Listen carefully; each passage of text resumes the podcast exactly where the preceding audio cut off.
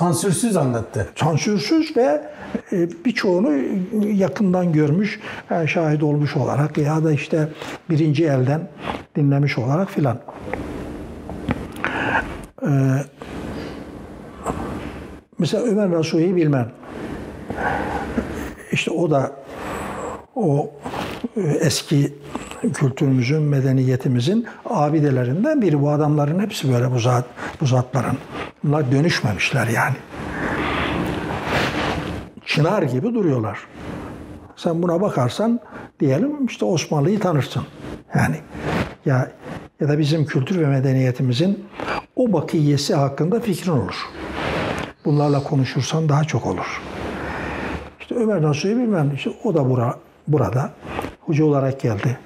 Benim e, teze başladığımda da tez hocamdı. Yani kendisi.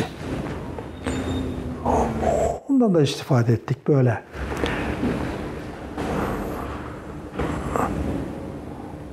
Şimdi aklıma gelenler bunlar.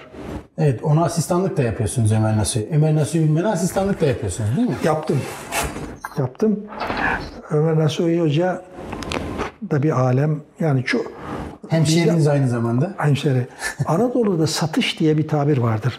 Derler ki alim ama satışı yok derler. Bu Anadolu tabiridir. Evet.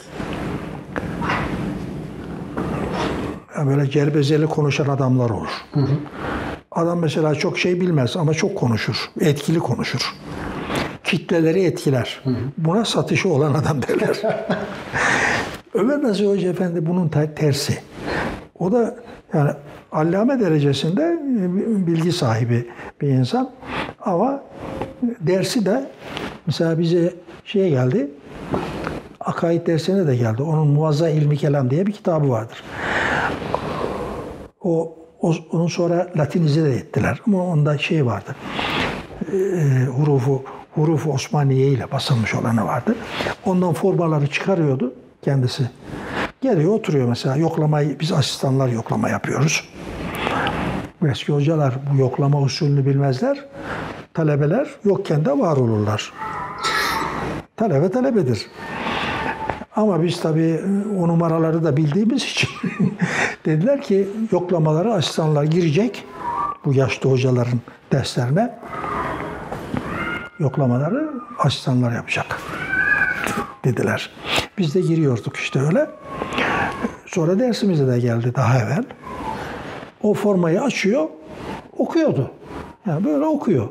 Arası işte kafasını kaldırıyor mesela. Ya bir şey sorarsan oradan izah ediyor. İzaha geçerse bakıyorsun dolu yani içi dolu. Ama öyle dersen. Mesela Celal hocamız bak onu onu mutlaka söylemem lazımdı. Yani Celalettin Ökten diye duyduğunuzu sanıyorum. Saadettin Bey'in babası. İzmirli İsmail Hakkı ya da İsmail Hakkı İzmirli'nin talebesi. Muakkibi de sayılır. İşte bu da çok alim bir insan. Yani tırnağına kadar dolu bir insan. Ama o da bu sefer şöyle uzun kağıtlara dersi kendi o inci gibi Osmanlıca yazısıyla yazar. Gelir oradan okur, izah ederdi. Şimdi bu, bu insanların bizim üzerimizdeki büyük etkileri var biliyor musunuz? Evet. Böyle elini kolunu sallayarak işte ezbere tomturaklı falan konuşan genç hocalardan daha çok, daha ziyade onların etkileri olmuştur üzerimizde. O, o da ayrı bir kapı Evet. bize açtı, ayrı bir pencere açtı.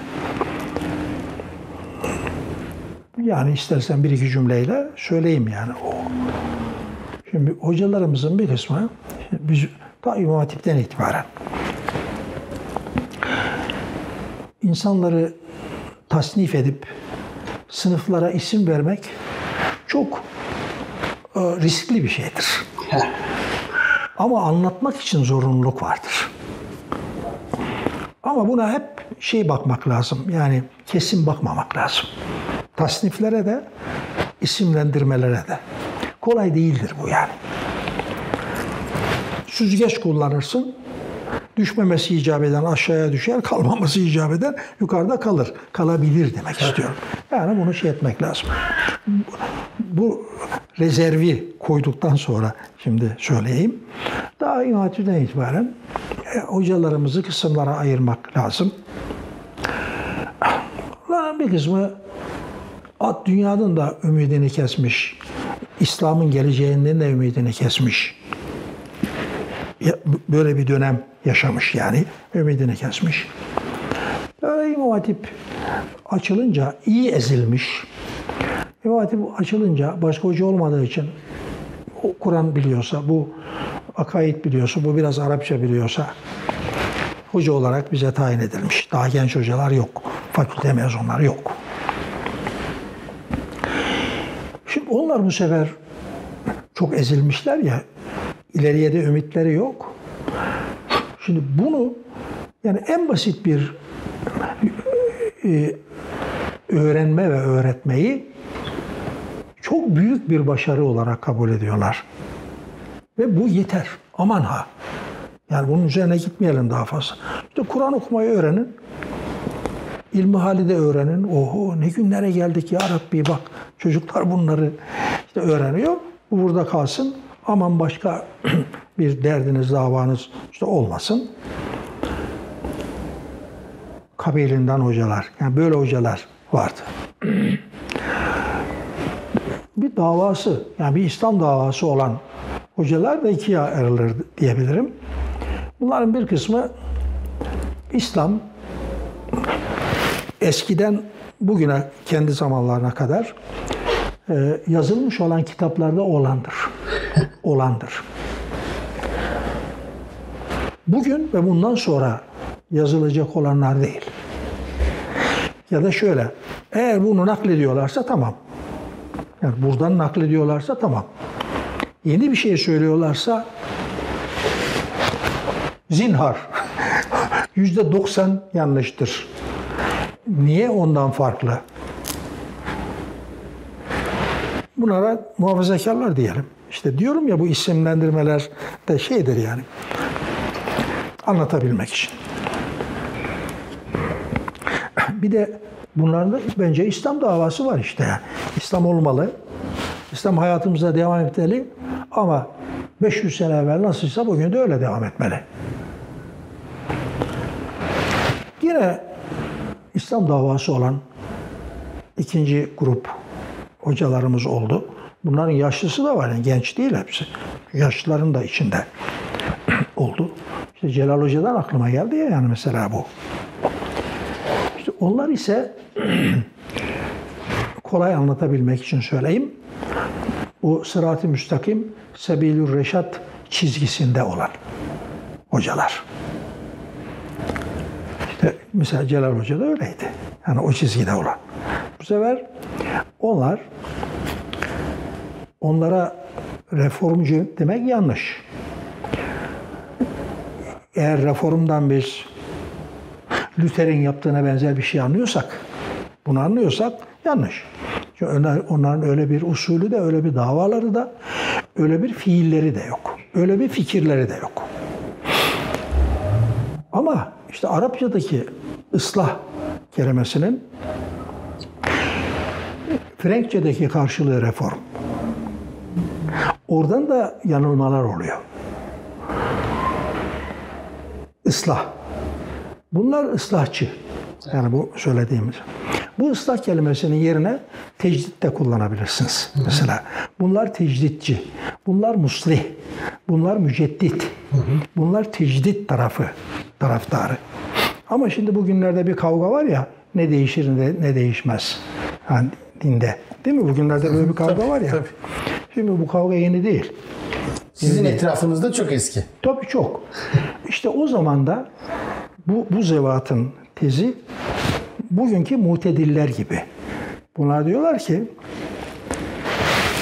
eğer insan değişiyorsa, cemiyet değişiyorsa, dünya değişiyorsa insanların ihtiyaçları da değişir. Bu din bu din her durumda yaşamalıdır her duruma uyarak değil, Yani her duruma uyarak değişirse sabit bir din olmaz. Ama bu dinin sabiteleri vardır. Bu sabiteleriyle her çağda yaşamalı. Ama bu sabitelerin insanın hayatında olmasını istiyorsanız, istiyorsanız o zaman bu sabitelerin ışığında günün ihtiyaçlarına dinin cevabını getireceksiniz. İşte bunun adı da iştihattır, tecdittir, İslamcılıktır. İslamcılıktır. Bunu yapacaksınız diyorlar. Yoksa onların maksadı batı ileri, batı kültürü medeniyeti, medeniyet, bizimki onun yanında vahşet, ilkellik. Bizim yapacağımız iş batılılaşmak ve dini de bunun için kullanmaktır. Ben bunu diyen bir müceddit tanımadım. Yani benim müceddit, müteceddit derler onlara yani eskiler. Böyle bir müceddit yok. Yok. Bir de bu. Böyle hocalarımız da yani oldu. İşte onlardan biri de o. İşte onlar bu sefer mesela e, işte İbn Teymiye. Mesela şimdi İbn Teymiye bunu bir ölçü olarak alalım şimdi. İbn Teymiye Ahmet Davutoğlu hocanın bakışı başkadır. Efendim Celal Hoca'nın bakışı başkadır. Ama burada yine bir yanılgı var. Siz bir insanı olduğu gibi tanıtmak ve ondan tenkitli bir bakışla istifade etmek şartıyla. Çünkü ilim bu demektir, alim de bu demektir. Tenkitli bir bakışla bir insandan istifade etmek istiyorsunuz. Ve olduğu gibi de onu tanıtmak istiyorsunuz değil mi?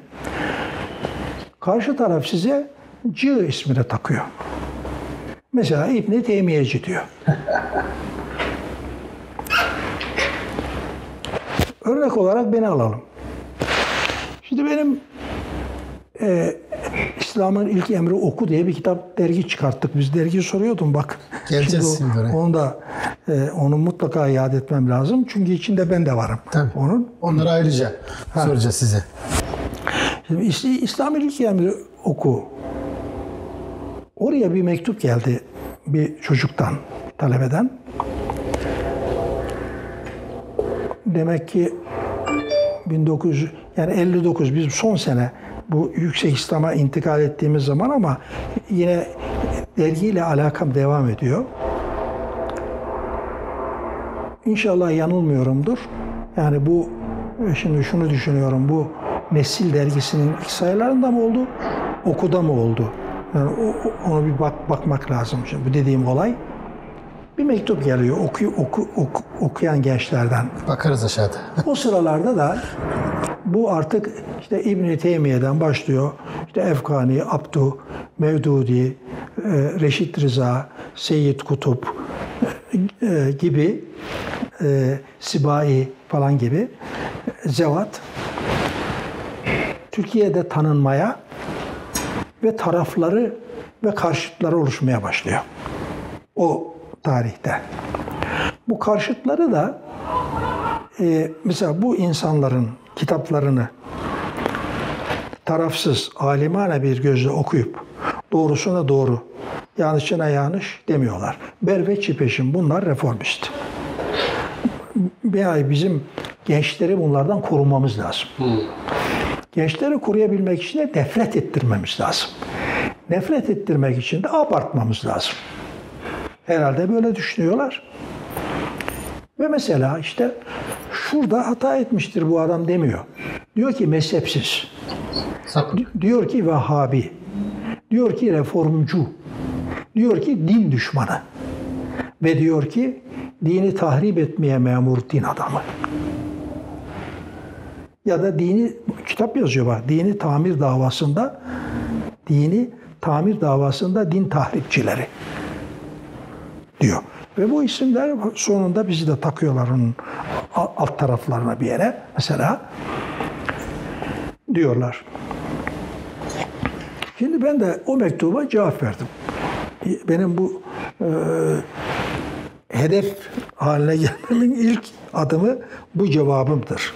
Bu madde madde cevaplıyorsunuz değil mi? Evet diyorum ki Şey Nesil dergisinde. o çocuklara e, ha o ithamlara cevap madde madde o ayrı. İthamlara cevap. Bu değil. Bu insanlar için diyorum ki bak bunlar Peygamber Efendimizin yanında İmam Malik ders verirken, anlatırken şey, Ravza'nın Ravza'da yani mübarek kabrin yanında Mescid-i Nebevi'de ders veriyor İmam Malik. Diyor ki talebelerine şu kabrin sahibi müstesna. Bundan sonra kim olursa olsun herkesin sözü bütün söyledikleri kabul edilmez, bütün söyledikleri reddedilmez. Söylediklerine bakarsın, kimini kabul edersin, kimini reddedersin. Şu kabrin sahibi müstesna. O sadece kabul edilir.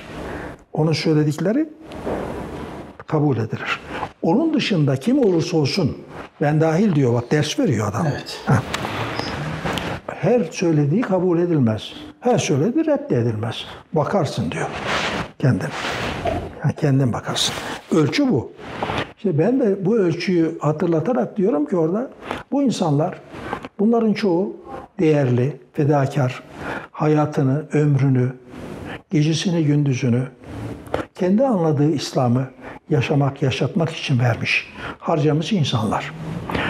Ama yazdıkları, çizdikleri içerisinde hatalı olanı da vardır, isabetli olanı da vardır. İsabetli olanı alır, hatalı olanı da bir tarafına koyarsınız. Ama bunlara saygı gösterin, bunları okuyun, bunları öğrenin diyorum. Tuh, sen misin bunu söyleyen? diye ondan sonra işte ben de onların altına ismimi yazıyorlar ve hücuma maruz kalıyorum. Bu e, bu gibi işte zevatı, zevata benim mesela böyle mutedil bakışım ben buna mutedil bakış diyorum. Cılıkla ne alakası var bunun? Ben niye İbn Teymiyeci olayım? Abdühçü olayım, Efganici olayım, e, Mevdudici olayım, Seyyid Kutupçu olayım. Niye olayım ki? Ben Hayrettin Karaman'ım. Yani bana sorarsanız her e, İslam ilimleri mensubu da kendisi olmalıdır. Kendisi olmalıdır. Biz bir şeyci olacaksak, ci tabiri oraya girerse İslamcı olalım. Yani ve Muhammedi olalım. Ondan sonra Hanefi. Şimdi Hanefi oldum diyelim. Oldunuz. Hanefi oldunuz diye onun bütün iştihatlarını kabul etmek ve uygulamak mecburiyetinde mi olacaksınız? Malik'e göre hayır. Hanefi olduğunuz halde Şafii'de okuyabilir misiniz? Okuyabilirsiniz. Şafii olduğunuz halde Malik'i de okuyabilir misiniz? Okuyabilirsiniz. Şafii olduğunuz halde bir Maliki imamın arkasında namaz kılabilir misiniz? Kılabilirsiniz. Ben diyorum böyle. Hayır diyenler de var. İşte yani. Sen Hanefiysen bir daha Şafii ile meşgul olma. Şafii imamın arasında namaz kılma. Kılarsan namazın olmaz. Diyen diyen var değil. Dört mezhebin fıkıh kitabı vardır. Meşhur. Açın onu orada. İmamet bahsinde farklı mezhepten olanlar birbirlerinin arkasında namaz kılmaları caiz mi diye bak orada. Göreceksin orada mezheplerin ne dediğini. Yani mezhep halimlerinin. Bir kısmına göre adam, imam arkasında namaz kılan Hanefi'nin mesela Şafii ya da Hanefi Şafii'nin mezhebine riayet ederek abdest alsa namaz kılsa bile ona uyup namaz kılmak mekruhtur. Diyor. Adam. Ben ne diyorum şimdi dikkat edersen? O da Müslüman. O da Kur'an benim Kur'an'ımı okuyor. İçtihat farkı olabilir. İçtihat farkı bir zenginliktir. Bütün muteber içtihatların toplamı İslam'dır. Ve ben onun arkasında namaz kıldığımda da bir İslam imamının arkasında namaz kılıyorum diyorum. Sonra ben Hanefi olduğum halde mukallitsem, yani kendim iştahat edemiyorsam, fetva alarak dinimi yaşıyorsam Hanefi olduğum halde bir Şafii alimden de fetva alıp uygulayabilirim diyorum. Hayır zinharı uygulayamazsın da diyenler var. Dedik ya bunları ayırdık ya baştan işte. Yani böyle ve böyle diye. Beni buna yönelten mesela birçok hoca ve başta da bir kitap var. Daha İmam Hatip okulunda okurken benim elime bu Reşit Rıza'nın Arapçası Muhavaratul Muslih vel Mukallit bir ıslahatçıyla bir taklitçinin diyalogu, karşılıklı konuşmaları anlamına gelen asıl. Fakat Ahmet Emre Aksiki merhumun e, mezahibin telfiki İslam'ın bir noktaya cem'i diye tercüme ettiği bir kitabı geçti elime. Osmanlıcası. Yani daha İmam Hatip'te öğrenciyim. Ama İmam Hatip'te öğrenci olan Hayrettin 18 yaşında girdi. Mollaydı. Bunu da unutmayalım. 20 demek ki o 7 daha koy içine 25 yaşında da İmam Hatip'ten mezun oldu. Yarım hocayım yani o zaman. Öyleyken elime geçti bu kitap. Allah için ben ondan etkilendim ya. O bana işte bu dedim ya böyle hocalar böyle hocalar var. Bu muslih dediğim, müceddit dediğim ulema tarih boyunca ulemanın penceresini açtı. Bana onlarla benim aramda benim irtibat kurmamı sağladı. Kadere bak ki kaza kadere. Sonra Diyanet bana bu kitabı Latinize etme teklifinde bulundu ve ben bu kitabı Latinize ettim. Ee, Atatürk Yüksek İslam'da asistan mıydım, hoca mıydım? Hoca, hocaydım galiba. Hocayken bunu yaptım. Demek ki 70'lerde yani. Yaptım. O da epeyce başıma dert açtı. Çünkü işte öbür taraf ayağa kalktı. Kitabı tercüme edince. Halbuki o kitapta İslam'a aykırı bir şey yok. Ee, tam aksine e, taklit, taklidi Müslümanlık yerine tahkiki Müslümanlık orada teklif ediliyor. Bu anlatılıyor. Ee, ya bir İslamcının kitabı. Yani böyle düşünebilirsiniz. Bu kitap ve işte bu Celal Hoca'ya benzer hocalar sayesinde, ona benzer hocalar sayesinde ben elhamdülillah bana sorarsanız ben e, mutedil ve İslamcı bir çizgiye girmiş oldum. Siz hem iştihat hususunda hem mezhep hususunda hem de e, ümmet ümmetçilik hususunda çok yayın yaptınız o dönemde. Yani e, Necip Fazıl'la işte sonra yollarımız pek uyuşmadı dediniz. Onu biraz Mesela Necip açabilir misiniz, Fazıl- anlatabilir misiniz? Evet. Doğru. Necip Fazıl merhum Necip Fazıl'ı çok seven var. Yani ben de nefret etmiyorum doğrusu. Ee, bir kere gerçekten büyük bir şair. Bunda hiç şüphe yok. Aynı zamanda çok usta bir nasir. Düz yazı, düz yazı ustası. Bunda da hiç şüphe yok.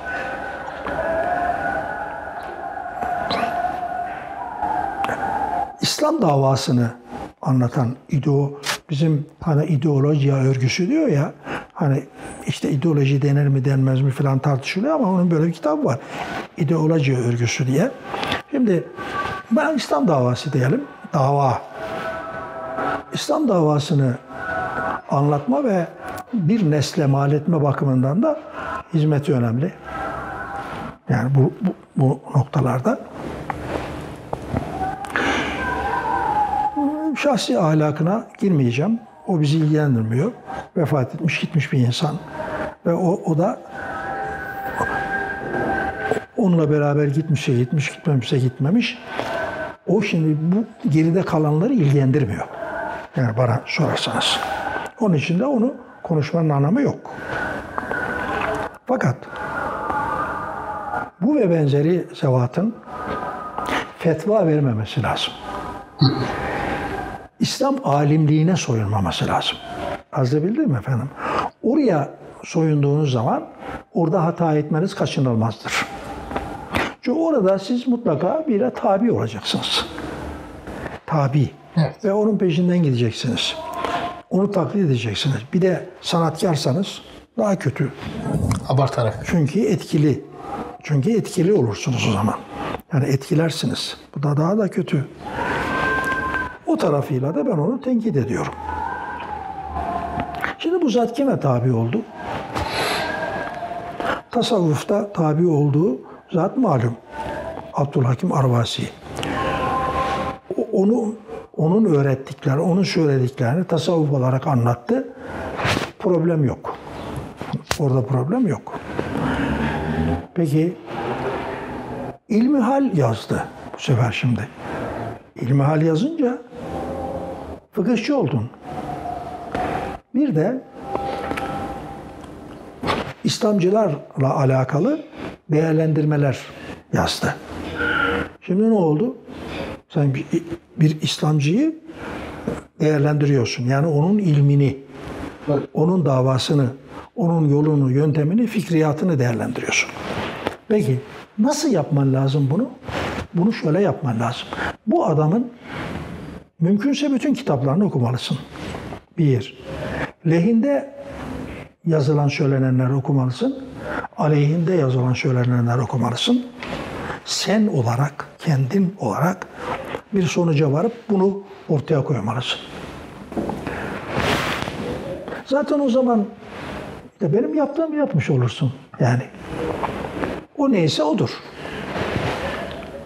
Böyle değil de kişiler, konular, fikirler, hükümler etrafında taraflar teşekkür etmişse, siz bu taraflardan bir tanesine yaslanmış ve onların değerlendirmelerini, fikriyatını, tensiplerini, tercihlerini tartışmasız gerçek gibi e, takdim ederseniz, ortaya koyarsanız işte o zaman problem çıkıyor.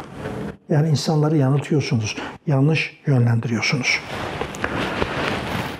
Bir adam, onun da tasavvufla alakası var. Birisi,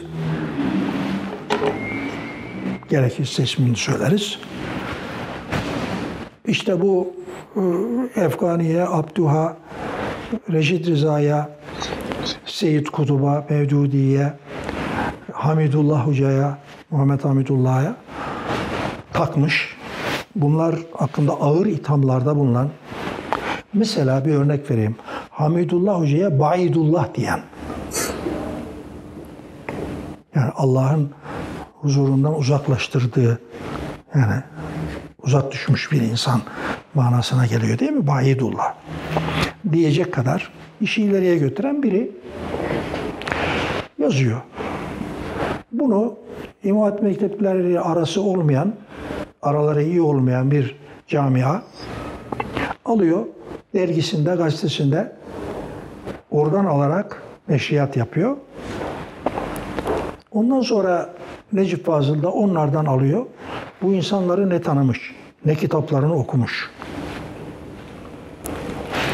Ne lehte aleyhte olanları okumuş. Burayı alıyor. Niye alıyor? Oraya girmeyeceğim. O çünkü şahsi ahlaka giriyor. O konudan bahsetmeyeceğimi söyledim.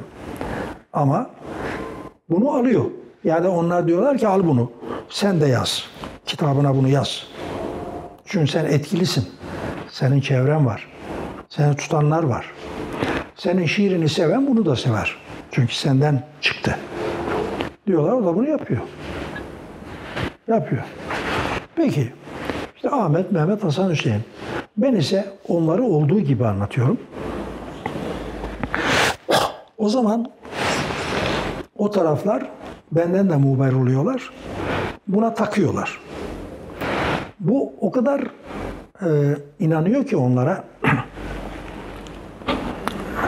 Büyük Doğu'nun e, raporlardan önce küçük boyda e, çıktığı bir dönemde raporlar çıktı sonra rapor rapor bir rapor iki falan. Ondan önce Büyük Doğu önce büyük sayfalar gazete gibi de çıktı falan dergi.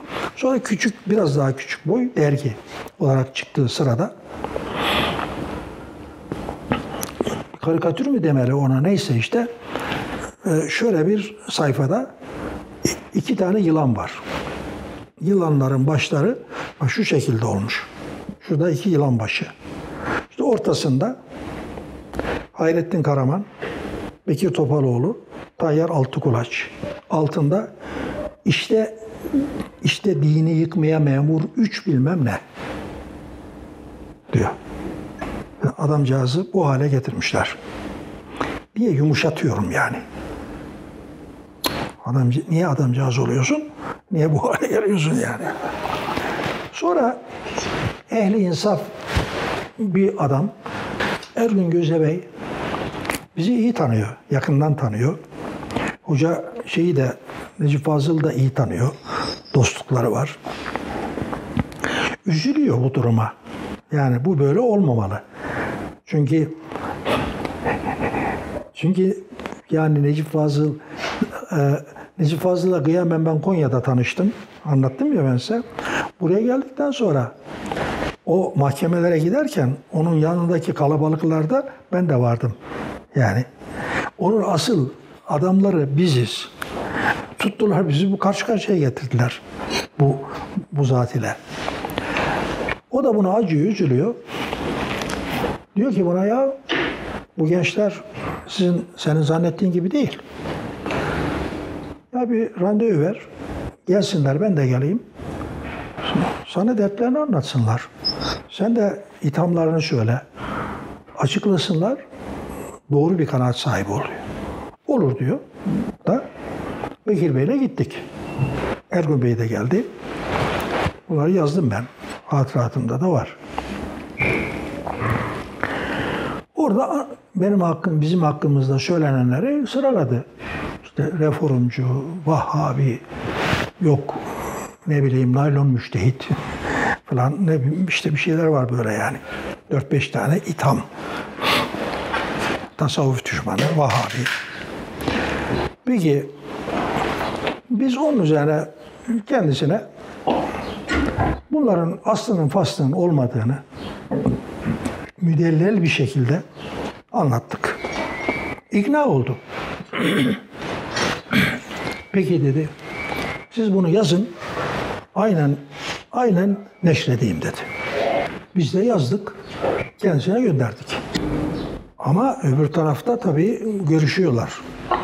Öyle ya konuşuyorlar devamlı. Herhalde onlar da haberdar oluyor bundan. Yoksa bu adam altına bu notu koyacak olduğu halde bize yazın aynen neşredeyim demezdi. Yani o kadar da değil. Sonradan değişti diyorum ben. Bize söz verdiğinde samimiydi. Fakat belki bizim gönderdiğimiz yazıyı bile okuttu. O ötekilere. Sonra da bunu koydu. Ama altına altına şuna benzer bir e, çünkü aynı cümle aklımda değil.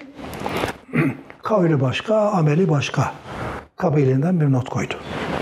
Yani bunlar böyle söylüyorlar ama daha da ağır bir ifade var orada. Yani şuna benzer yani. Ağzı içki kokuyor ben içmiyorum diyor. Gibi. Buna benzer bir ifade var. Eh, ne yapalım? Yani yapabileceğimiz bu. Yani biz hakikati anlattık, o da kabul etti. ikna da oldu. Fakat yine etkisi altında kaldığı, niye etkisi altında kaldığı orayı söylemiyorum. Niye etkisi altında kalıyor onların? Hangi sebeple, hangi menfaatle? O öyle gitsin ama yine tutuyor. Altına böyle bir not koyuyor. Koyduğu not iftira. Onunla ilgili hiçbir bilgisi ve delili yok. Yani dedikodulardan başka yok. o öyle cerametli oldu gitti. İslam'ın ilk emri okuda var mıydınız siz? Onu yayınlayanlar arasında mıydınız? Yoksa yazım yazıyordunuz? Ben mi? Evet. Bir kere çıkar o, onun çıkması için e, yapılan hani toplantılarda arkadaşlarla istişarede ben de vardım. Evet. Ondan sonra İslam'ın ilk emri okuda e, iki veya üç e, ayrı köşe yazı yazdım. İyi, öyle hatırlıyorum ben. Mesela bazı beni ilgilendiren mektuplara cevap verdim. Hadis e, köşesi yazdım. Bir başka köşe daha yazdım. Hı. Kendi isminiz de yazdınız değil mi? Kendi adımla. Hayrettin Karaman olarak.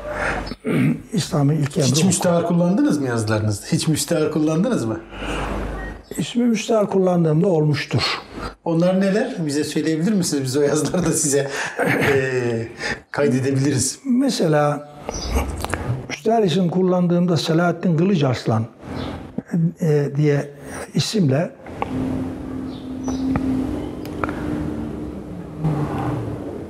Hareket dergisinde galiba. Harekette bir yazı yazdım.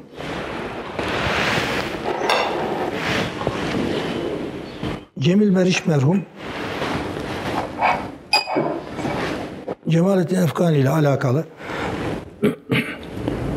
ama biraz e, aleyhinde olanların etkisinde bir makale yazdı, neşretti. Hareket gibi aklımda şimdi, Hareket dergisi. Ben bunu da baktım, e, Cemil Meriç'i de tanıyorum. E, Bir iki toplantıda beraber de olduk. E, Muhterem kızıyla sonradan daha iyi dost olduk. Takdir de ediyorum, beğeniyorum. Böyle bir kalemin, o da etkili. Yazdığı bu yazının böyle kalmasının zararlı olacağını düşündüm. Ve tuttum Selahattin Kılıçarslan Müstahar adıyla e, bir efkani de ben yazdım. Aynı yerde neşrettim. Orada onun e, kullandığı kaynaklar dışında bir takım kaynaklarda da Efkani'nin farklı anlatıldığını bu anlatımla bu anlatımı yan yana getirerek yani bir sonuca onun hakkında varmak gerektiğini ve onunla ilgili ithamların bir kısmının doğru bir kısmının yanlış olduğunu anlattım. E, o yaşadığı sürece de benim yazdığımı fark etmedi. Ama etkilendi. Bir gün beraber şeye gidiyoruz. Bir arabada kızı var, ben varım, e, kendisi var. Bir arabada birlikte bir e, sempozyum değil de panel yapacağız. Oraya gidiyoruz. Bu dedi Selahattin Kılıçarslan diye bir zat. Efkan hakkında bir yazı yazdı. Ben bu adamı tanımıyorum. Fakat enteresan dedi. Aynen böyle söyledi. Ben bu adamı tanımıyorum ama nasıl tanıyamadım böyle biri var da dedi. Sustum. Söylemedim. Ve ilk defa da burada şimdi bunu söylüyorum. size. Böyle nasip oldu yani. Evet bu e, röportajlarımızda birkaç kere Cemil Meriç'le ilgili ifşaatlara tanık olduk. Öyle İlk defa mi? bize anlatılan birkaç şey oldu. Doğru. Bugünlerde de Cemil Meriç'le ilgili bir kitap çıktı. Bilinmeyen yönleriyle Cemil Meriç diye. Biz de herhalde bilinmeyen yönleriyle Cemil Meriç diye bir ufak şey çekeceğiz. Oku dergisinden bahsediyorduk. O Konya'da e, değil mi Yüksek İslam e, Enstitüsü Ya Oku- Talebe Cemiyeti'nin yayınladığı bir Evet. dergi. Yani Siz ama arka- Konya'da okumadınız Yüksek İslam Enstitüsü'nü. Buyur. Konya'da okumadınız Yüksek İslam Enstitüsü'nü. Yani Yok. bu dergi İmam Hatip'teyken mi siz Ama içindeydiniz? e, bu İmam Hatip'ten arkadaşlarımla beraber çıkardığımız bir dergi bu. E, Ben buraya geldikten sonra da alakamı devam ettirdim. Yani Yüksek İslam'dayken de oraya yazı yazdım. Efendim ve o uzun zaman sürdü, devam etti. E, Bu İmam Hatip e, camiasının ilk dergisi sayılır. Tabii. Yani o ürünü, ilk ürünü sayılır. Yani acemiliklerde olsa, ya dergicilik açısından biraz iptidai de olsa, olsa bir denemedir. Yani bir tecrübedir. Evet. İlginç de bir dergi. Bir de mesela bu İmam Hatip'ten ne çıkacak acaba sorusunun da cevabıdır o. Ne çıktı peki sizce? Neyi temsil ediyor İmam tam olarak o dergi? Bak. Neyi gösterdi? Bu soruyu iyi ettin sorduğuna. Evet. Yani o dergi değil de İmam ne çıkar? İşte o dergi dedim ya bunun aynası. Evet evet. İmam mektepleri açılınca beklentiler şöyleydi. Beklentiler ve korkular vardı. Bir grup, bunu herkes bilir. Arkamızdan Fatiha okuyacak kimse kalmıyor. Cenazelerimiz ortada kalacak. Ya bu işte halk. Yani Müslüman halk. Ana babamız. Yani böyle. Ya bu çocuklar hiç olmazsa bir Kur'an öğrensinler, namaz niyaz öğrensinler de arkamızdan bir Fatiha okurlar. Cenazelerimiz de ortadan kalkmaz. Yani. Demek ki biraz karikatürize ediyorum. Bir grup bizden cenaze imamı olmamızı istiyorlardı. Yani bu bir beklenti. Bu biraz karikatürize ettim. Yani o safiyane bir beklenti demek istiyorum. Bir grup bu. İkinci grup bizim medeniyetimizin bir okulu olmalı. Yani bizim kültürü ve medeniyetimizin bir okulu olmalı. Bu okul yok. Ülkemizde yok. Bu olabilir mi? Ve inşallah olur. Bunun içinde şimdi zaten bizim kültür ve medeniyetimizin de içinde çatallar var. Yani ihtilaflar. Diyelim bir tasavvufu al. Tasavvuf. Tasavvuf karşıtları bizim kültürümüzün içinde yok mu? Ulemamızın. Peki tasavvuf taraftarları iki kanatlı, tek kanatlı falan hani olanlar, olmayanlar. Bunların hepsi bizim diyorum ben. Yani bu da böyle. Evet. Şemsettin Sivasi de bizim, bir gibi de bizim diyorum ben. Yani bunlar bizim medeniyetimizin, bizim kültürümüzün insanları. Bunlar renk. Bu iki tarafla biz ortayı bulabiliriz diyorum. Bunun birini at birini al olmaz. Olmaz. Beklentide de bu vardı. Yani tamam bunlar bizim çocuklar olacak da ya acaba tasavvuf karşısında tutumların ne olacak? Azabildin mi? Yani böyle de bir endişe vardı. Kısa bir anekdot. Dördüncü sınıftayım. İmam Hatip dördüncü sınıfta. İmam Hatipleri de halka tanıtmak istiyoruz. Bir de İmam Hatip muhalifleri var. Burada olmaz biz biz kurslarımızda diyeyim yani yaparız. Olursa orada olur. Burada olmaz. Konya'da da güçlü bir Var. şey. Diyenler de var ya. İşte bunlara karşı da PR yapmak istiyorlar. Ya bizim velilerimiz, müdürlerimiz, hocalarımız tuttular onun için. Bir kere her cuma tabur olup bir camiye gidiyorduk. Sokağa dolduruyoruz. Türkiye Cumhuriyeti'nde olsun sene 1951-52 olsun yani. Daha yeni çıkmışız İnönü döneminden. Ve size ben okulları anlattım benim çocukluğumun okullarını. Şimdi bir okul başlarında okul şapkası şu ucu görünmüyor. Belki 300-500 çocuk gidiyorlar. Başlarında öğretmenler var. Halk soruyor nereye gidiyor bunlar? Cuma namazına gidiyorlar.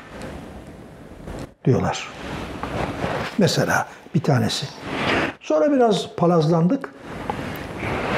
Cuma kıldırmaya kıyı camilerde hutbe okumaya götürdüler. Derken bir gün geldi Konya'nın en büyük camii şeydir, Kapı Camii. Kapı Camii'nde bir İmam Hatip talebesi vaaz edecek. Ne zaman? Cuma'dan önce. Kim olur? Kim olacak Erzurumlu varken? Sana takılmak için söylüyorum. Ee, Erz, Erzurumiyül asıl efendim e, ve fakat e, Çorum doğumlu Hayrettin Karaman. İşte bana bu vazifeyi verdiler. Ben de Gazali'nin, İmam Gazali'nin İhyasından hazırlık yaptım. Antır parantez o zaman daha İhya Türkçe'ye tercüme edilmiş değil. Ee, hazırlık yaptım. Hem de Kitabul Muhasebe vel Murabata diye bir e, bölüm var oradan. Orası esnaf muhiti. O yüzden değil mi? Hem de nefis muhasebesi var. Tasavvuf da var onun içinde. Şimdi kalktım. Tabii bir de korkum var. Cuma'dan önce 45 dakika konuşacağım. Ya malzeme biterse diye ödüm kopuyor. Çünkü başka zaman olsa Fatiha der inersin. Şimdi Cuma'ya kadar konuşmaya mecbursun. Ezan okununcaya kadar. Bu korku da var. Bu korkuyla defterime o kadar not almışım ki Sonra altı vaaz ettim bitmedi. Altı kere buradan vaaz ettim. Bunun devamından. o korkudan. Başımda İmam Hatip şapkası. Öyle istediler yani. Onunla çıktım kürsüye. Cuma'dan önce koca cami dolu. Orada vaaz ettim. İşte bu beklenti meselesi. Buradan ne çıkacak yani bu çocukların içinden? Tabii Konya Mevlana'nın memleketi. Orada bir tasavvuf kültürü var. Bayağı yaygın. Tasavvufa karşı hocalarımız da vardı. Ama Konya muhiti e, de onlar ya bugünkü deyimle biraz marjinal kal- kalmışlardır. Yani Konya'da hakim olan şeydir, tasavvuf kültürüdür. Ee, ben şimdi orada arka arkaya böyle e, gelmiş geçmiş Cüneyt'ti, Şibli'ydi, e, işte Gazali'yi zaten ondan bahsediyorum. Onlardan nakillere başlayınca, başlayınca bir cami imamı aynı zamanda derviş bir zat kendisi. Cami imamı ama bu dinlemeye gelmiş. Yani şurası cami. Şurada minber var. Hutbe okunan. Minberle duvar arasında bir yer vardır daima camilerde değil mi? Orası dardır biraz. Orada kalkıyor camide sema yapıyor. Allah, Allah, Allah diye. Bu enteresan bir şeydir.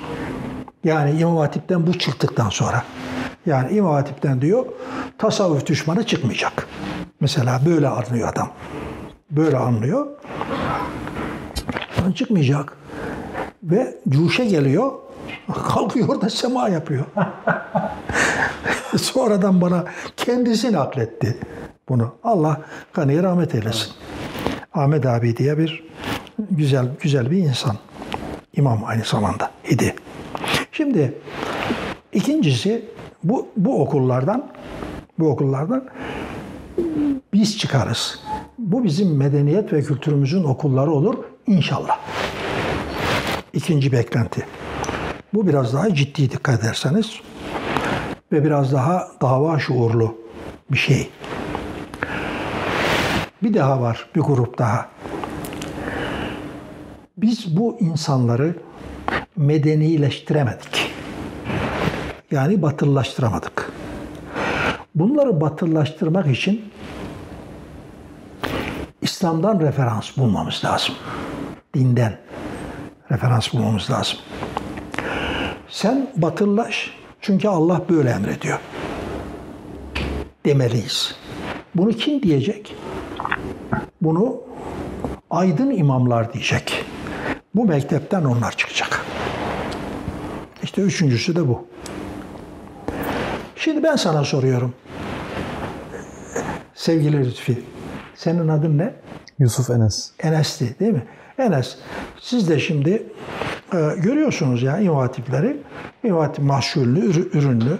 Sonra onlar işte vaktiyle yüksek İslam, sonra ilahiyat. Dergiler çıktı. Dergileri görüyorsunuz. Neşriyat yaptılar, kitaplar. İmamlık yapıyorlar, hutbe okuyorlar, vaaz ediyorlar. Şimdi artık hep onlar. Yani değil mi? Hep İmam Hatip mezunları. Yani birinciyi aştılar. Tabii. Yani üçüncü hiç olmadılar. Yani üçüncü olanlar marjinal. Çok az. O çok az ve dikkat edin dışlanıyor. Camia ya mal edilmiyor. Camia onları benimsemiyor. Bence soruyorsanız olabildiğince ortası oldular. Onu kamil manada temsil kolay bir şey değil zaten. Tabii. Yani o kolay bir şey değil. Benim kültürümün, medeniyetimin okulu olabilmem için aslında kamil manada olabilmem için farklı bir dünyaya diyeceğim ben bunu diyeceğim bak farklı bir dünya düzenine yani hiç olmasa benim düzenime izin verecek demek istiyorum. Anlatabildim değil mi? Ha. Benim düzenime izin verebilecek. Ya bu da olsun. Yani bir yerde İslam da olsun istiyorlarsa diyebilecek bir dünya düzenle. Böyle bir düzen yok bugün. bugün yok. Onun adına radikalizm diyor, kökten dincilik diyor, terör diyor. Benim İslam'ıma diyor, teröre değil. Onu kullanıyor. Böyle bir dünya düzenle.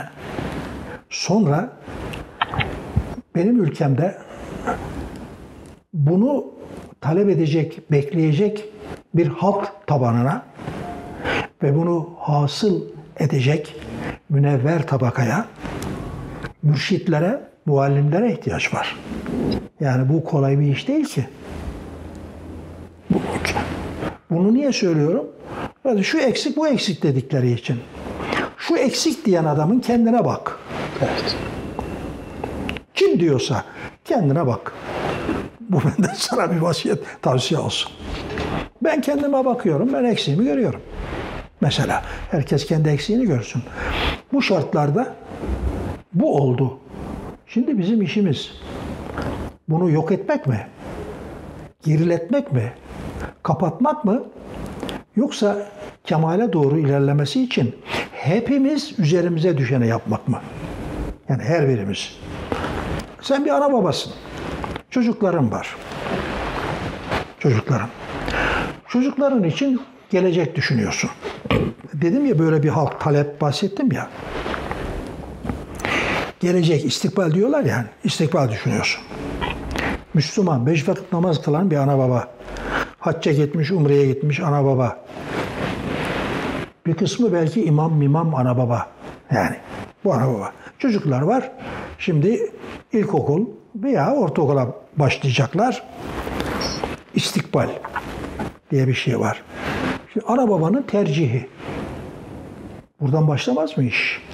Daha önce de bu tercihe uygun yetiştirme. Oradan başlamaz mı? Peki kaç aile var ki? Ya benim üç çocuğum var. İki çocuğum var veya bir çocuğum var. Biri biraz zor da iki ve üç varsa. Ben bunun birini bu dine adayım. Adayım. Adayayım. Adanmış olsun. Ya bundan ben dünyalık bir şey beklemeyim. Hatta ileride miras kalacak. Adam yaş- bizde bizde bir yanlış anlama var. Adam yaşarken mirasından bahsediyorlar. Yaşarken miras olmaz. Yaşarken adam kendi mülkünün malikidir. Ben bu çocuğu dine adayım. Bu kendini din hizmetine versin. Yaşadığı sürece de kimseye muhtaç olmasın diye ben ona biraz mülk de bağışlayayım şimdiden. Yani bir maddi teminat da yapayım. Kimsenin eline ayağına da bakmasın. Çocuğumun hiç olmazsa birini dine adayayım. Şimdi bu neyi gerektirirse daha doğdu. Doğdu. Oradan başlayayım. Yani dil öğrenmesi lazım, batıyı öğrenmesi, doğuyu, bizi öğrenmesi lazım. Kendisinin bir dava şuuruna sahip olması lazım. İlahiri. Buna göre de gerekeni yapayım. Bana böyle istatistiki olarak söyle bakayım. Yüzde kaç aile var? Çok çok azdır. O zaman lütfen İmam Hatip'ten de insaflı beklenti içinde olalım. Yani insaflı beklenti içinde olalım diye diyorum. Şimdi oku da işte Evet. oku. İnşallah siz e, bu dergiler üzerinde çalışıyorsunuz. Bunların muhtevalarını da dij- dijitalize edeceksiniz. Ettik. Kataloglayacaksınız mesela. Bakın görün. O dergide ne çıkmış? O dergide bir üçlü taksim yaptım ya. Evet. Hangisi çıkmış? Evet. Bu dergiler tabii şöyle bir e, şeyi var. Yani biz onu Yusuf Enes'te şimdi bir kitap üzerine çalışıyoruz. Hatta bu röportajın çok küçük bir kısmı da o kitap içinde yer alacak. Biz onu İslam'ın kamusallaşması olarak adlandırıyoruz. Güzel. Yani bu İmam Hatip nesli diyebileceğimiz 60 sonrası dönem. Başka dergiler, başka e, yönelimler de söz konusu. Yani İslam'ı biraz böyle özel alanda, evde, bahçede, tarlada, dükkanda olan bir şey olmaktan çıkarıp daha kamusal bir şeye doğru Tabii. dönüştürüyorlar. Bu Oku dergisi, işte sonra sizin yayınladığınız Nesil dergisi, daha akademik bir biçimde İslam Medeniyeti dergisi mesela. Başka, ilahil başka da Hilal dergisi değil mi? Ee, ondan sonra çok güçlü etkiler oluşturuyorlar ve İslam'ı böyle biraz kamusal bir mevzuya dönüştürüyorlar. Biraz herkesin hayatıyla ilişkili bir şeye dönüştürüyorlar. Benim dikkatimi çeken şey Oku dergisi bu anlamda daha sosyal meselelere daha fazla değinen bir dergi. Mesela 40'ların sonunda 47'den itibaren çok ciddi sayıda dergi çıkıyor. İşte Müslüman Sesi, İslam Dünyası gibi. Bu dergilerin önemli bir kısmı daha maneviyatçı dergiler. Daha insanın bireysel hayatı, biraz öğütler, biraz böyle e, kamil insanı yakalamak, biraz da bireysel bir İslam'dan çok bahsediyorlar. Dönemle yakından ilişkili. Ama 60 sonrası çıkan dergilerde bir daha bir sosyal taraf var, daha bir politik taraf var gittikçe. İslam'ın bir sistem Yani olduğu boyutu daha fazla ana fikri vardır. Islah fikri. İslahat kısacası yani. Islah fikri var, İslamcı bir ton var. E, gittikçe daha böyle kamusal alana hitap eden, kamusal e, insana hitap eden bir boyutu e, var. Yani okuda bu anlamda böyle bir yönelim oluştu. Bence bu imam hatiplerin çok ciddi bir Evet. E, etkisi. E, sonra bir de bir yani yani şimdi rahmetli oldu. Şerif Mardin'in çokça bahsettiği bir folk İslamı, halk İslamı bir böyle daha yüksek İslam, medrese İslamı diyebileceğimiz bir şey varsa eğer herhalde imam hatipler o medrese İslam'ını o daha kitabi daha e, ne diyelim kaynaklarla ilişkili İslam'ı biraz daha fazla öne çıkarıyor. Mesela ben sizin e, yani gençlik çağımda işte 20'li yaşlarımda sizin Gerçek İslam'da Birlik kitabınızı e, okumuştum. Nesil yayınlarında e, çıkma. E, İşte biz de onun adını demin söylediğim mezahibin telfiki falan dediğim var ya. Evet. Onu latinize edince, sadeleştirince adını İslam'da birlik ve fıkıh mezhepleri diye çıkardık. Evet. Yani adı. Onu mu okudunuz? Evet. Yok sonradan sizin hani derlediğiniz işte Afgani'den, Abduh'tan işte Ha, onu ben yeniden tercüme ettim o kitabı. Evet. Çünkü o epey ihtilaf konusu olduğunun Aksikil'in varisleri o kitabın neşrini durdurdular. Mahkemeye falan verdiler. Bunu bilmiyordum bu hikayeyi mesela. Onun üzerine ben tuttum. O işte Muhaveratul Muslih vel Mukallit adı adlı kitabı kendim yeniden tercüme ettim. Ha, Latinize etmekten Hayır, etmiştiniz yeni zaten. baştan tercüme ettim. Kendi dilimle daha anlaşılır bir şekilde. Ondan sonra da onun başına Efgani Abduh ve Reşit Rıza'nın ha- hayatlarını ve düşüncelerini yazdım. Yani epeyce böyle 50 sayfa, 30 sayfa falan filan Biz burada okutu- okutuyoruz o kitabı halen de. yazdım. O kitabın okunması lazım bence. Yani İslamcılık e, e, la alakadar olan insanlar onu da okumalılar. Onu da okumalılar. Evet. Evet. Ee, sonra Nesil dergisini yayınlıyorsunuz. Tabii Nesil dergisi biraz sizin olgunluk döneminiz artık. Doğru tabii. Üniversitede asistansınız e, Yüksek İslam'da ve e, arkadaşlarınız işte çokça ismi birlikte sizinle geçen Kardeşler Apartmanı'nın diğer mukimleri e, Sayın Yeprem Bekil Topaloğlu, Yaşar Kandemir gibi isimlerle dergi, bir dergi çıkarıyorsunuz. İsmi Nesil Dergisi. Doğru. Bir yayın evi de oluyor bu zamanla. Bir e, ne- nesil kitap da yayınlayan bir Evet. şey oluyor. Doğru. E, biraz ondan bahsedebilir misiniz? Şöyle e, biz Yüksek İslam'ı bitirirken yani son sınıfta iken işte mezun olup gideceğiz, dağılacağız. Yani orada biz bir cemaat olduk. Yani bir okulda sınıf arkadaşlarından ibaret değil. Bir cemaat olduk. Böyle söyleyeyim. Ee, sınıf arkadaşlığı yani asker arkadaşlığı gibidir. Yani dağılır gidersin sonra ara sıra halatını sorarsın öyle değil.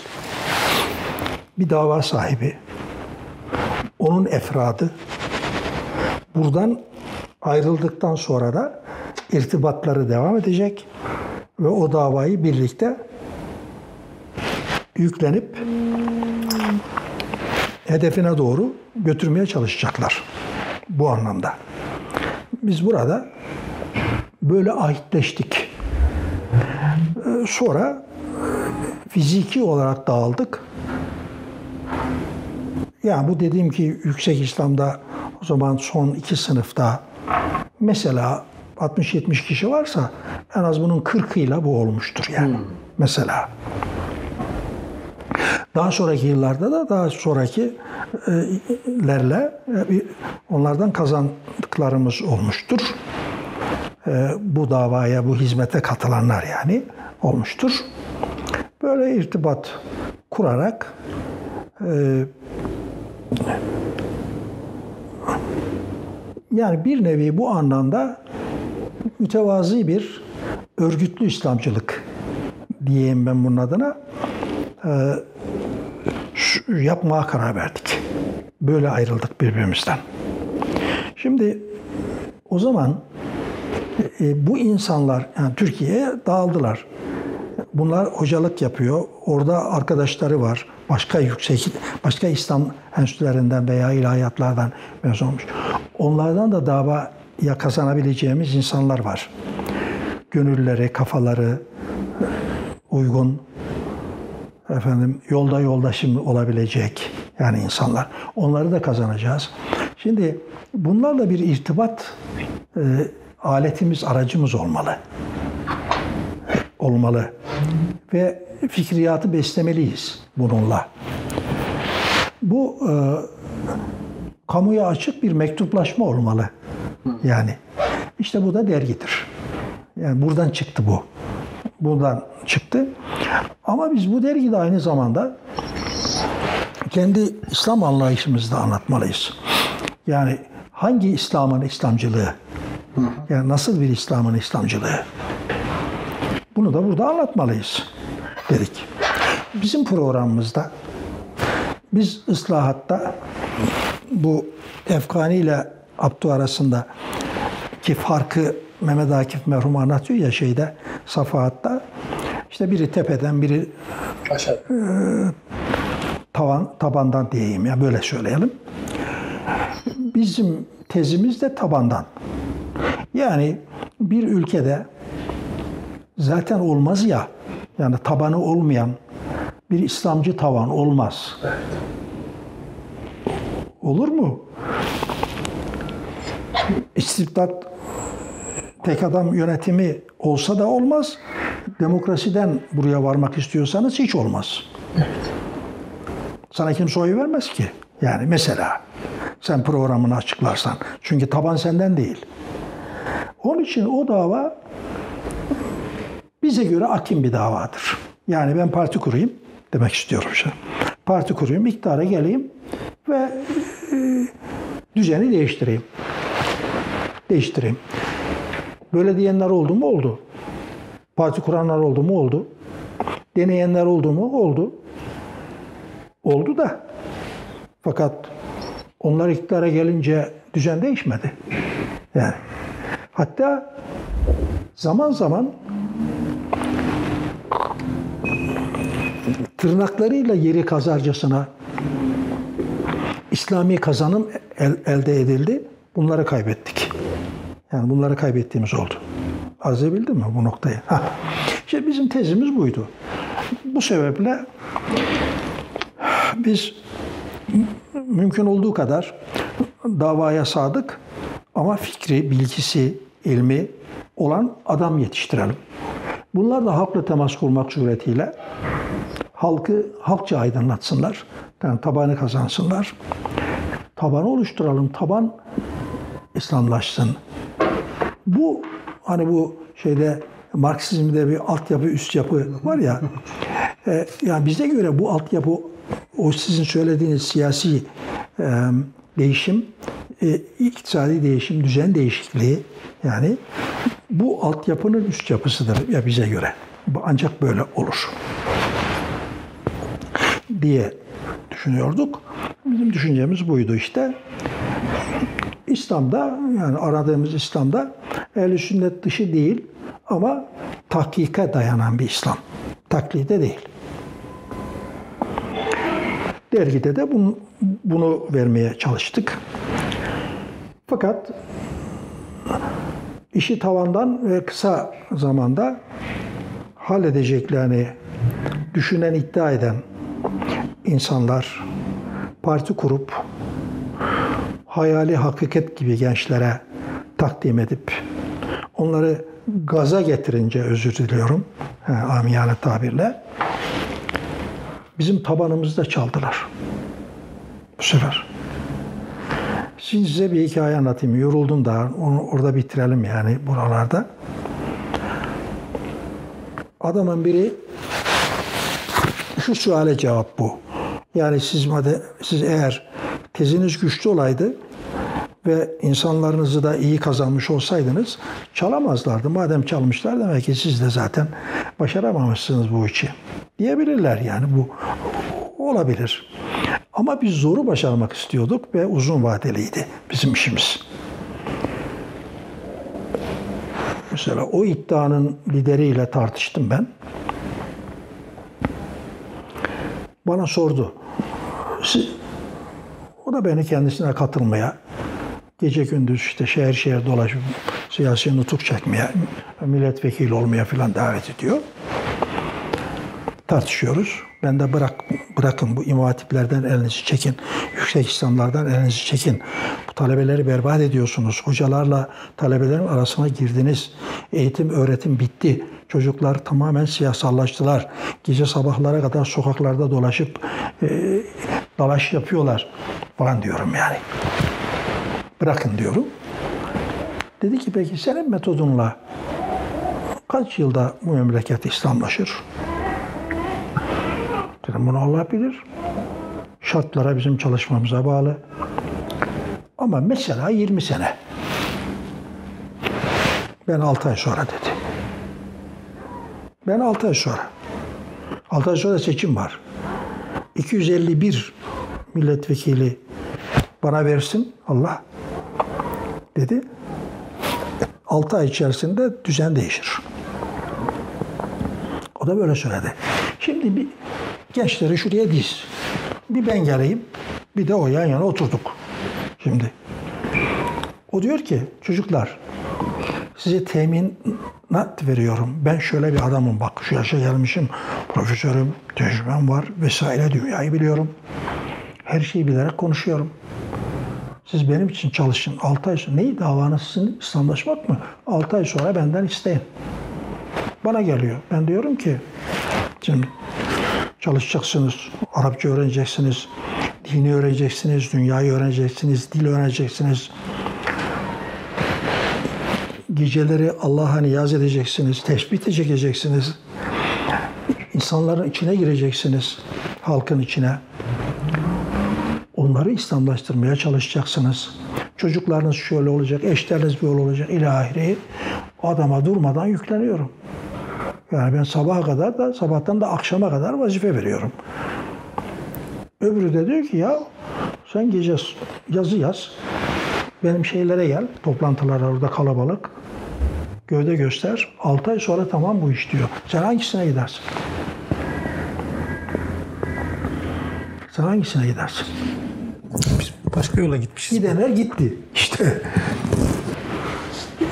biz bu şeyi nesil hareketini bu yüzden noktaladık. Onu demek istiyorum yani. Noktaladık derken biz vaz mı geçtik İslamcılıktan? Hayır.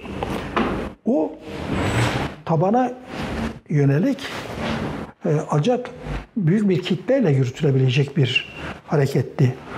Kitleyi siyaset kapınca biz bu sefer kendimiz olarak ne yapabiliriz? Ve döndük. Döndük.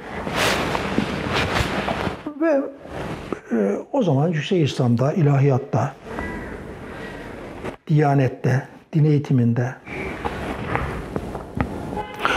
İslam'da yapacaklarımızı yaptık. Yani oralara Daha ilmi bir çalışma şeyine. evet yani bir kadro. 80 sonrası yani darbe sonrası Affedersin, devam etmedi şu, galiba değil mi? yani bir kadro ve bayrak devri. Yani bayrağı devralanlar olsun. Bu bayrak düşmesin. Devam etsin. Evet. 80 sonrası dergi neden çıkmadı hocam? Dergi çıkamazdı. Yani işte darbe oldu. Mesela başka dergi yayınlamayı düşünmediniz Darbe mi hiç ekiple? değil. Siz o ekiple Darbe birlikte mühim değil. Darbe Müslüman. Öbürlerin darbesi mühim değil. Darbe bir yandan geliyor. Yani biz bu bir, bir yandan bir takım kursların hedefiyiz. Bir yandan Necip Fazıl'ların vesairenin hedefindeyiz. Bir yandan Erbakan'ı ve Erbakancıların hede- hedefindeyiz. Arz edebildim mi efendim? Şimdi biz o hale geldik ki o zaman bizim adamlarımız dediğimiz çocuklar var ya mesela öğretmenlik yapıyor aynı zamanda bizim adamımız. Bize şöyle mektup yazdılar. Dediler ki biz onlara mesela 20 tane, 30 tane, 50 tane, 200 tane dergi gönderiyoruz. Onlar dağıtıyor falan. Bize bundan sonra bir tane dergi gönderin ve ev adresimize lütfen. Dediler.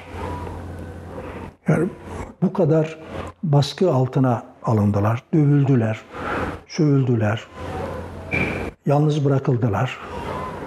Onun üzerine dedim ya işte yani tabanı kaybettik. Taban ya öbür tarafa geçti ya sindi, koktu, çekildi. Dergi e, 500 adet e, gitmemeye başladı. 500 adet. Yani o kadar dahi gitmiyor. E buna devam etmenin anlamı kalmadı yani üzerine. Onu bıraktık. Bir daha da dönmek hiç olmadı. Başka sebepler var. Evet bu biraz tabii yayın hayatıyla ilgili başka dergiler yükselişte bu arada. Tabii yani ondan sonra diyelim mesela ben gazetede yazdım. Yani 95'te başladım. E, şeyde işte oraya girersek boğazım da acıdı yani yoruldum. Şimdi ben Ensar'ı ele aldım. Ondan sonra öyleyse yani hiç olmasa başlıklarını söyle ben size bak. Ensar Vakfı var ya, Ensar Vakfı. Şimdi biz arkadaşlar olarak toplandık. Dedik ki biz iyi bir kadro yetiştirelim. Ama kitleye yönelik hizmeti de İmam Hatipleri derleyip toplayarak yapalım. Yapalım. Hocam şöyle yapalım mı? Siz çok yoruldunuz. Biz isterseniz bir, bir daha yapalım bu 80 sonrasını. ne diyorsunuz? O yani kudretim gücüm olursa gelirim onu konuşuruz. Ama başlıklarını söyleyeyim. Tamam buyurun. Yani olursa da bunlardan başlayalım Tabii, hiç tabii. olmazsa. Biz çalışıyoruz zaten. Yani Bunlar üzerinden okuyoruz, şey yapıyoruz. Peki bu imam hatipleri nasıl şey yapabiliriz? E, ele alabiliriz ve daha kaliteli hale getirebiliriz. Davaya hadim çocukları yetiştirebilecek hale getiririz. Bunun için